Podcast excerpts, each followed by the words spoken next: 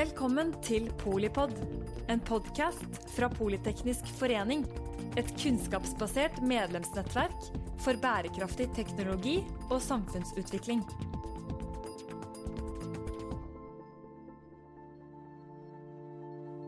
Velkommen til Polipod eh, direkte fra Arendalsuka. Vi kaller det Polipolitikk. Det skal i dag handle om eh, beredskap. Det er overraskende, for å være ærlig, eh, lite snakk om det i gatene her for øvrig. Så derfor så har vi brakt inn to stykker som kan mye, og, og kan dele litt innsikt og inspirasjon om, om beredskap. Det er eh, Jon Arne Røttingen, som er nå global helseambassadør i eh, UD, Utenriksdepartementet. Det er eh, Øyvind Woie, som er forskningsleder i FFI, som er forskning, nei, Forsvarets forskningsinstitutt. Hva burde vi snakke om, Jon Arne, når vi snakker om stortingsvalget? Nei, Vi burde jo akkurat her og nå snakke om uh, at vi fortsatt er midt i en pandemi. Vi har en positiv situasjon i Norge. Den lokale epidemien under kontroll, selv om vi ser økende antall tilfeller. Men vi ser globalt at det ikke er tilfellet. en rekke land har sin tredje eller fjerde smittebølge, økende antall tilfeller og altfor lav vaksinasjonsdekning til at det kan stagge pandemien. Så vi er fortsatt i en internasjonal krise som påvirker samfunnet i veldig stor grad. Dette er ikke bare en covid-19-sykdom som er utfordringen, det får indirekte negative effekter på annen helsehjelp. Så annen, vi, de, det økt forekomst av andre sykdommer i mange sammenhenger for de ikke greier å behandle dem. Og, og vi får effekter på sant, mulighet for utdanning. I mange land i Afrika har jo skolene vært stengt i over et år. Ehm, vi ser eh, utvikling i fattigdom, og vi ser ikke minst eh, veldig alvorlige makroøkonomiske konsekvenser. Ehm, verden har jo tapt eh, allerede mer enn 10 000 milliarder dollar i samlet bruttonasjonalprodukt i pandemien så langt. Så dette er en stor kostnad for verden. Enorm Det er jo det store globale bildet er jo ikke spesielt um, lystig sånn. Kan du bare gi oss et par eksempler på ting som faktisk har eh, liksom eh, gått bra? Ja, fordi jeg peker jo på en ulikhet og en utfordring akkurat her og nå. Og samtidig så er vi jo et sted som vi kanskje ikke hadde håpet og trodd ja, vi, vi, mm. hadde kanskje håpet, men ikke trodd mm. at vi skulle være. Uh, at vi faktisk nå hadde en så utstrakt uh, vaksinedekning i mm. verden det å utvikle vaksiner eh, i løpet av elleve måneder fra viruset er kjent til en vaksine har midlertidig godkjenning, det er jo eh, verdensrekord i og for seg, og, og, noe vi ikke hadde kanskje mm. regnet med.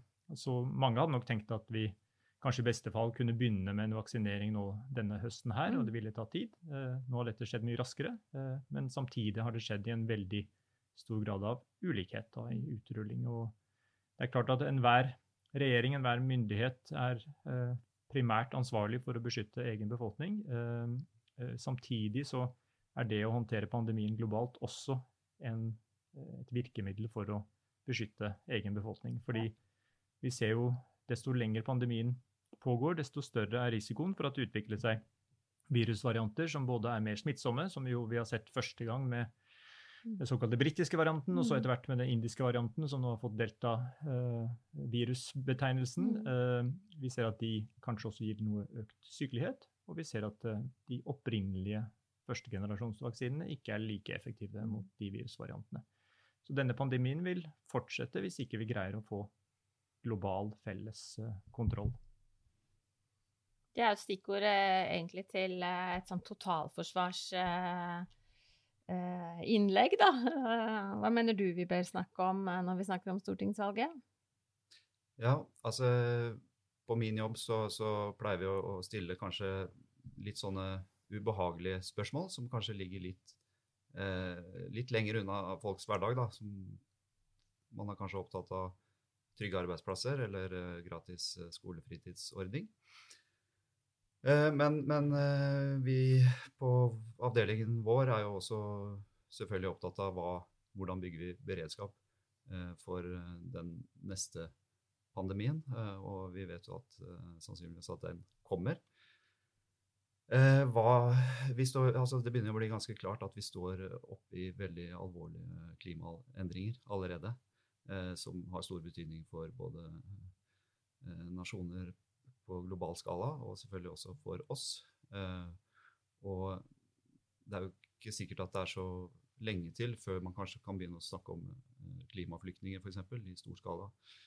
Uh, og, hvordan, og det er klart at vi som samfunn må også tilpasse oss disse klimaendringene. Og, ja, det er, det er, jo også andre temaer som, som vi er opptatt av. dette med hvordan beskytter vi oss mot digitale angrep. hva med sosiale Altså påvirkningsoperasjoner gjennom sosiale medier. Ja. Vi liker jo å tro at det ikke skjer eh, i Norge, da. Og hvis det skjer, så skjønner vi det med en gang og ler av det. Uh, liker ja, vi å tro. uh, ja.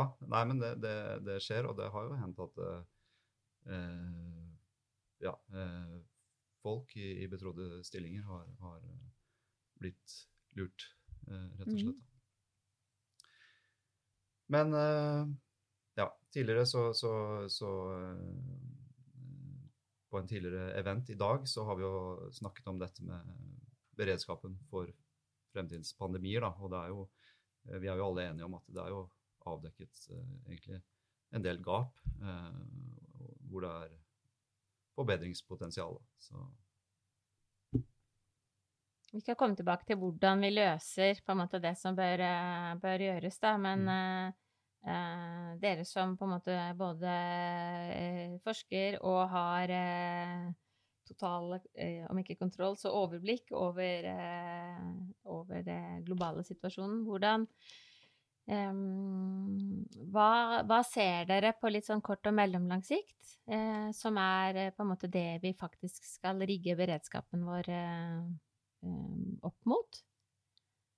Og hva er kort sikt når det når det er snakk om en pandemi?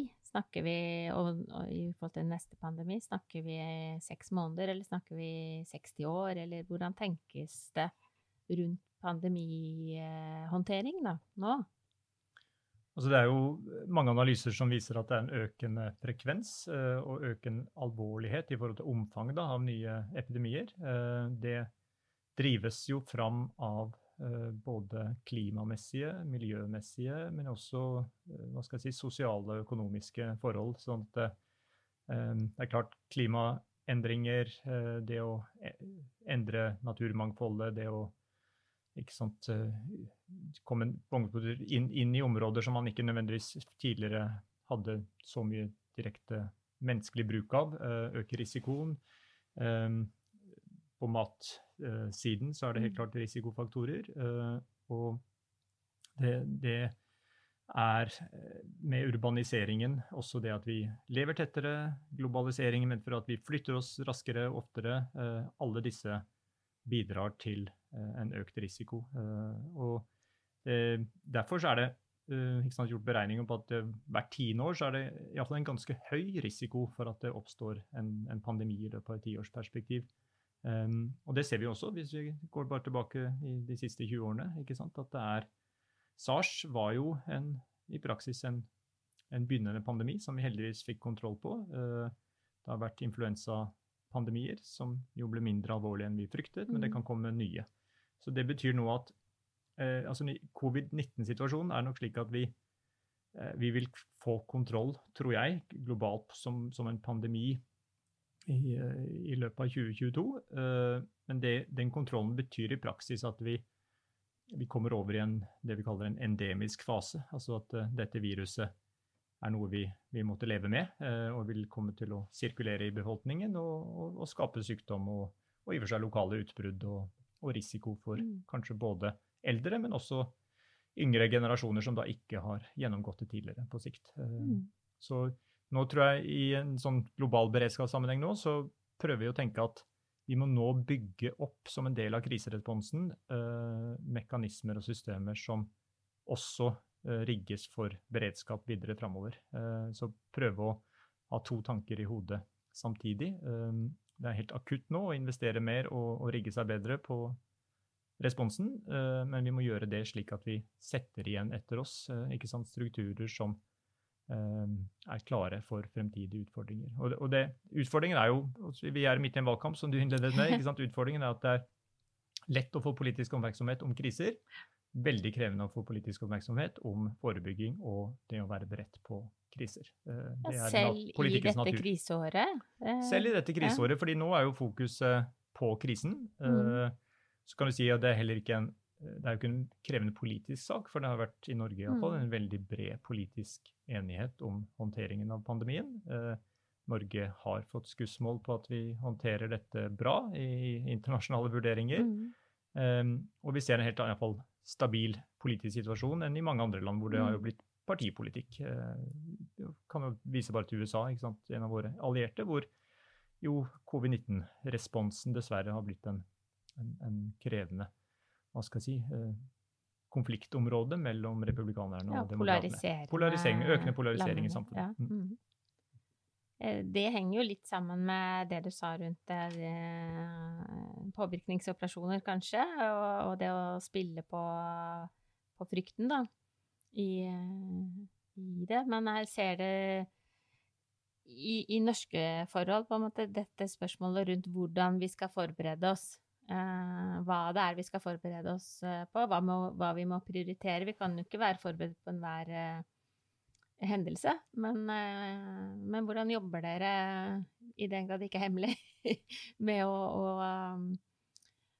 å, ta beredskapen videre, nå som vi har den litt sånn dyrekjøpte erfaringen? Det er jo lett å håndtere kriser når du er, har penger på bok, men, men hva tenker dere om de neste tiårene? Hundreårene? Ja. Eh, for nå tenker du generelt, så, så, vil jeg jo Altså, mitt budskap er jo selvfølgelig Altså, jeg har jo veldig tro på at det fins mange muligheter innenfor teknologien da, og, og, forskningsbasert kunnskap. Eh, og f.eks. hvis vi går tilbake til litt uh, dette med eh, pandemi og, og, den trusselen, eh, så er jo kanskje den største trusselen Eh, er jo fra dette med multiresistente bakterier, eh, som har vært oppe i mediebildet de siste dagene også. Eh, og her har man jo 33 000 døde årlig da, i EU. samtidig så man, frykter man jo også at, at, viruset skal Da snakker du antibiotika, ikke sant? Da snakker jeg antibiotika. Mm. at det brukes altså, altså, Eller generelt egentlig motmidler. Eh, for det kan, jo være, det kan jo være medisiner, ikke sant? men det kan også være vaksiner, rett og slett. Ja. som, som man frykter nå at, at, at eh, plutselig så, så, har du et virus som, som vaksinen ikke virker så godt mm. lenger mot. Da. Eh, og, eh, og så, så, det er jo viktig også på en måte eh, forstå den trusselen, og så, ja, og så eh, handle på den. Og, og, når det gjelder disse multiresistente bakteriene, så må man jo da Ofte så, så er jo disse antibiotikaene og sånn, de går jo på én virkningsmekanisme i, i, i bakteriene eller uh, viruset, da. Nei, ikke i viruset, men uh, i bakteriene. Og, og når den uh, på en måte klarer å omgå den virkningsmekanismen, så, så, blir den resistent for den. Mm. da, Og så kan den bli også resistent på flere. Men hvis man klarer å har andre motmidler eh, som kanskje angriper eh, bakterien på et litt mer sånn fundamentalt eh, nivå, som løser opp eh, bakterienes proteiner f.eks., eh, eller virker da mellom, på mange virkningsmekanismer samtidig, så vil det være veldig vanskelig å bygge resistens mot eh, sånne midler. Og, og, og, jeg tenker at det er viktig å, å liksom, eh, få fram, ta fram teknologi eh, som på en måte eh, da eh, kan rett og slett eh, bekjempe disse multiresistente bakteriene. Da. For hvis, hvis liksom det blir mer og mer av dette i verden, så, så, så, blir det et veldig stort problem for oss. Så. Ja, det, høres, det, det er vi jo fortsatt som uoverstigelig. Men, men jobber Forsvaret sånn sett med det, eller er det eh, Forsvaret, jobber, Forsvaret jobber ikke eh, med det, annet enn at eh, vi på FFI har jo da et prosjekt som pågår. med en bedrift som heter Softox, da, som har utviklet en teknologi som baserer seg på hypoklorsyre og eddiksyre. Og de har fått til en veldig sånn synergi da, mellom de to molekylene. Sånn at vanligvis så er ikke hypoklorsyre så veldig stabilt, sånn at du må bruke det i ganske høye konsentrasjoner for å på en måte knekke eh, mikroorganismer.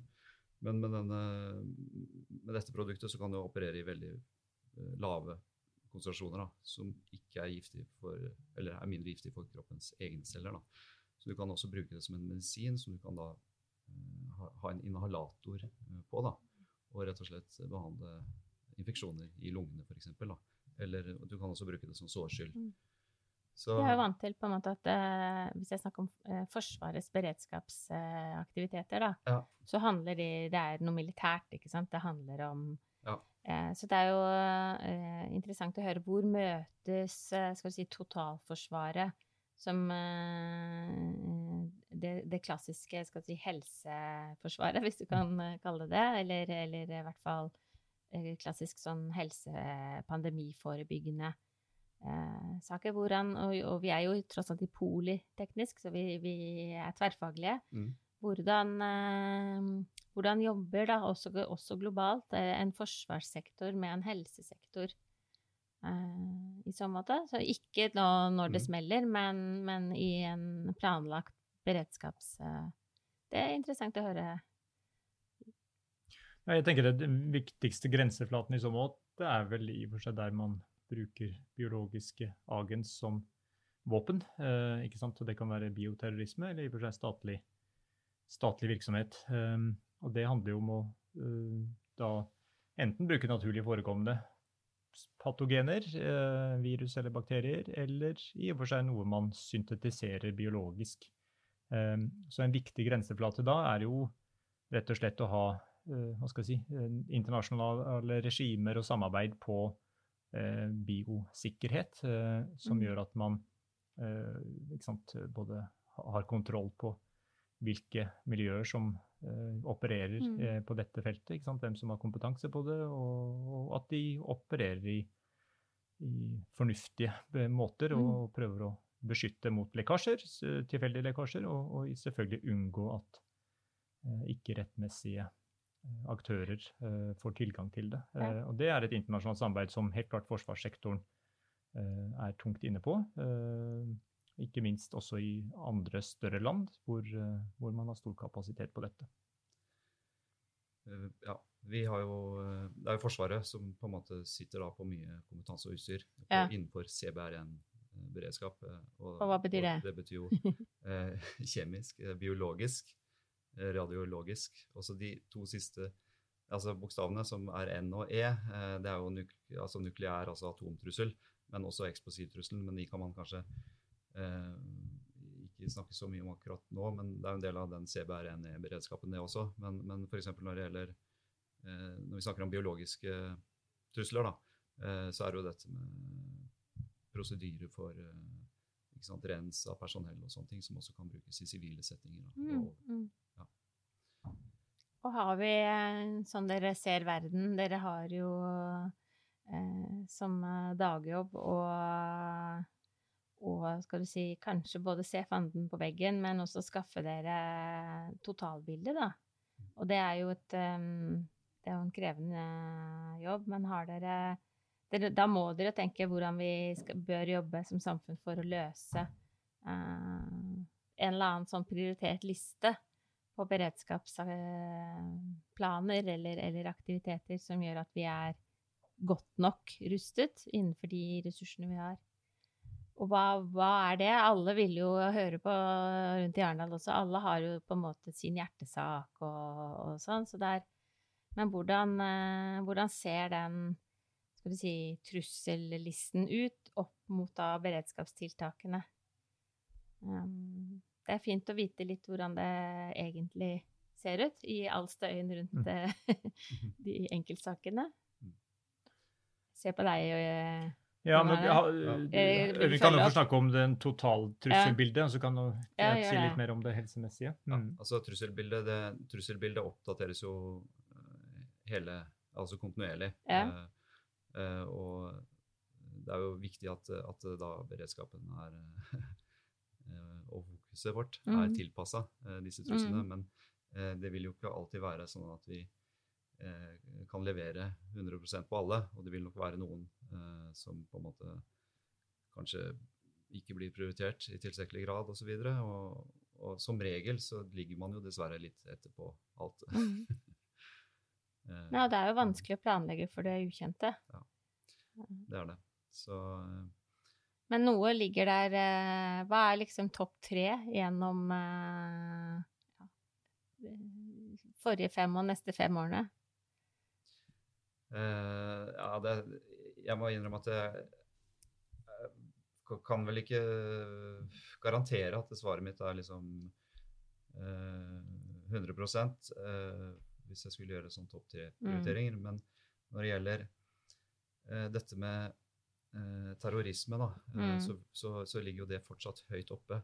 Og så det geopolitiske klimaet som vi har i dag, bidrar jo nok ikke til at det eh, kommer til å bedres eh, de nærmeste, Mm.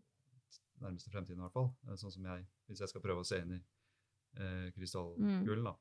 Og så er det jo også dette med at det, det kan nok være mer teknologi og sånn som også kanskje faller på i eh, terroristenes eh, hender, da, sånn at de kan også eh, utnytte den f.eks. innenfor syntetisk biologi, da, og liksom kanskje lage et, eh, et eller annet virus som er enda farligere ved at det spres lettere eller gir mer alvorlig sykdom. Da. Så, eller andre ting som er skadelige. Da.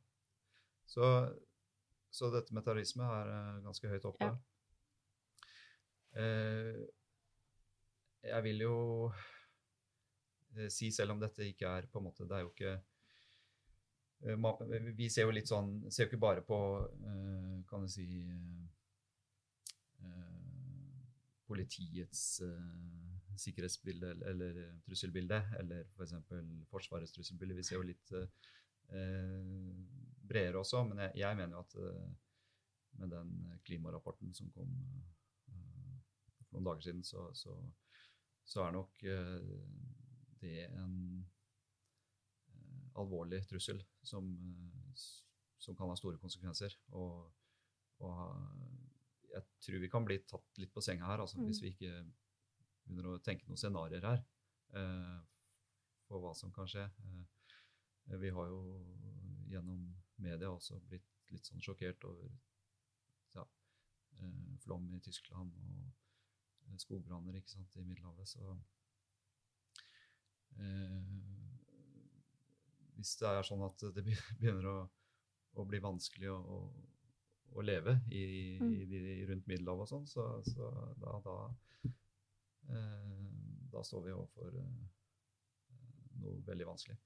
Jeg er også egentlig opptatt av eh, litt sånn Afrika, da, er jo eh, egentlig Står jo egentlig også overfor en sånn befolkningseksplosjon. Eh, og, og det er jo også egentlig som Kanskje ikke vi på vår jobb liksom sysler så mye med, men jeg tenker at eh,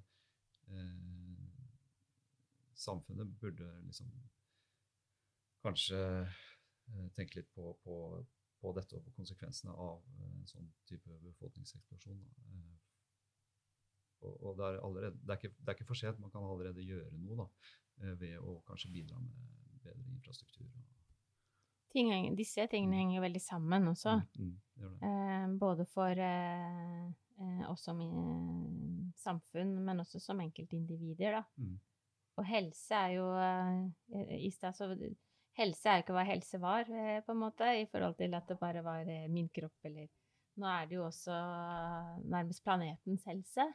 Absolutt. Eh, og, det, er sammenhengen mellom planetens helse og eh, din og min helse også. Eh, nå kommer det like i forkant av eh, den store klimarapporten, eh, og som en, vil være en del av delrapportene videre framover. Det er en mer sånn ordentlig analyse av helsekonsekvensene av de forventede klimaeffektene. eh, og de er store, og de er så store i risiko at eh, det vil utgjøre kanskje en av de mest krevende helserisikofaktorene osv. framover, det er eh, klima. Eh, og det er knytta selvfølgelig til hetebølger og til katastrofer. og er, jeg tenker at Derfor så er det helt klart klima en, en, en, en veldig viktig, bred, tverrsektoriell sant, utfordring som vi må ha beredskap for.